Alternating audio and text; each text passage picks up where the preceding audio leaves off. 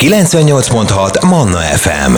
Mindennapi életünk. A mikrofonnál Argyelán Kriszta. Jó rádió hallgatást a 98.6 Manna FM-mel, én Argyelán Kriszta vagyok, és Kohári Éva gasztroblogger az, aki ezúttal is segít nekünk már egy picikét az ünnepre hangolódva valami finomságot az asztalra dobni.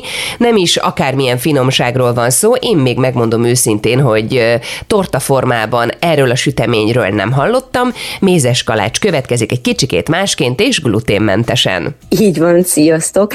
Ugye mézes kalácsot általában mindenki süt karácsonyra. Igazából nekem minden jött az ötlet, hogy megmaradt egy pár kis cuki pofa mézes kalácsom, hogy mit is lehetne ezzel csinálni, és úgy döntöttem, hogy díszítsék tulajdonképpen ezek a mézes kalácsok egy mézes kalács ízű tortának a tetejét. Tehát tulajdonképpen magának a tortának nem sok köze van a mézes kalácshoz, annyi, hogy mézes kalács fűszerkeveréket teszek itt a piskótájába, a tésztájába, és ettől isteni finom mézes kalács íze lesz, és tényleg csodálatosan mutatnak rajta a kis mézes kalács mézi formák, a tetején vagy kis fenyőfák, csillagok.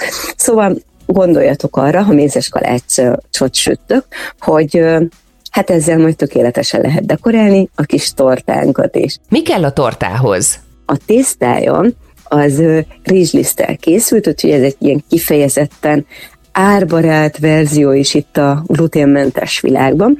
Kell hozzá 400 g rizsliszt, 200 g cukor, egy csomag sütőporos mézeskalács fűszerkeverék, vagy hogyha sima mézeskalács fűszerkeveréket használunk, akkor egyből egy evőkanál, és akkor viszont 12 g sütőport, vagy egy csomag sütőport keverjünk még a tésztába, egy pici só, három darab emmes méretű tojás, 200 g szobahőmérsékletű margarin, 2 deciliter tej, ez természetesen lehet akár növényi alternatíva is, tehát növényi ital, egy teáskanál narancsaroma, ha nincsen narancsarománk, akkor eszelhetünk akár bele narancshéjat. Mondjuk én ebből jobban szeretem a, a bolti verziót, ilyen kis tasakba lehet kapni ezeket a kis narancs reszelt héjakat is, mert ugye az biztos, hogy kezeletlen, és kell még hozzá két evőkanál méz. Nézzük akkor a krémet, ahhoz milyen hozzávalókra lesz szükségünk. 500 g mascarpone, ebből is létezik már a növényi verzió, több fajtából is lehet, tehát hogy több fajta közül lehet válogatni, tehát tejmentes diétában neki sem kell lemondani. Ugye ezekről a kis mascarpone és krémekről. Két teáskanál fahéj, két teáskanál narancsaroma, vagy a narancs reszelt héja, 200 ml habtejszín, vagy a növényi verziója, szükség esetén habfixáló, és két evőkanál porcukor, de itt igazából, hogyha cukrozott tejszint használunk, akkor érdemes közben kóstolgatni a krémet, ennyire szereti ezt édesen, és a tetejére díszítésként jönnek a kis mézes kalácsok. Hogyan készül maga a torta? A tésztához a margarint habosítsuk fel a cukorra, és egyenként adogassuk hozzá a tojásokat, úgy, hogy minden tojás után újra habosítsuk fel.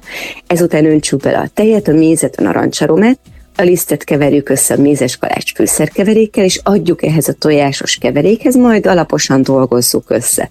Osszuk a tésztát három egyenlő részre. Én itt nagyon szeretném hangsúlyozni, hogy érdemes ezt a három lapocskát tényleg külön sütni, nem egyben, mert az elvágás, a macerás lehet, és így egészen biztos, hogy jól átsülnek, és tökéletesen szép lesz a végeredményünk is. Mibe süssük akkor ezek szerint ugye a külön lapokat? Én ehhez egy 18 cm-es torta formát használtam, tehát ez nem lesz egy őrült nagy torta, de annyira tömény, hogy bőven elegendő belőle ekkorát sütni. Tehát egy 18 cm-es tortaformáját béleljünk ki sütőpapírra, és simítsuk bele az egyik adag tésztát. 180 fokra előmelegített sütőben 25-30 perc alatt süssük készre, majd ugyanígy süssük meg a másik két lapot is. A krémhez a maszkarponét keverjük habosra porcukorral, adjuk hozzá a narancsaromát, fahéjat, és folyamatos keverés közben öntsük hozzá a tejszínt. Ezt jó alaposan habosítsuk föl, és hogyha szükséges, akkor tegyünk hozzá habfixálóport.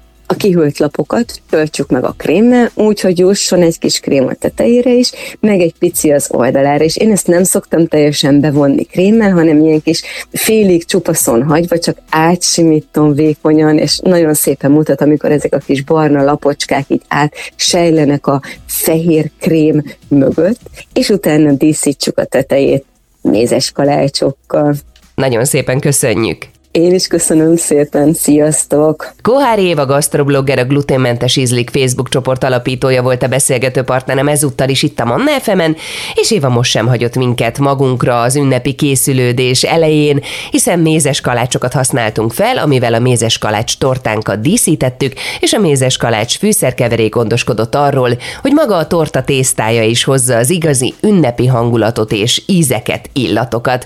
Hogyha valakinek van kifejezett kérdése Évához, vagy szeretne karácsonyi sütit mondjuk gluténmentes verzióban hallani a következő hetekben, akkor van lehetőség arra is természetesen, hogy ezt elmondjuk, ha a kérdés érkezik, akár SMS Viber formájában 0677 akár egy messenger üzenetet írva.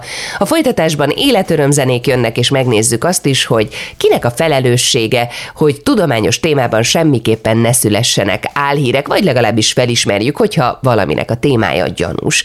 Életörömzenék után jövök ezzel vissza itt a Mannán. Mindennapi életünk. Manna FM. Manna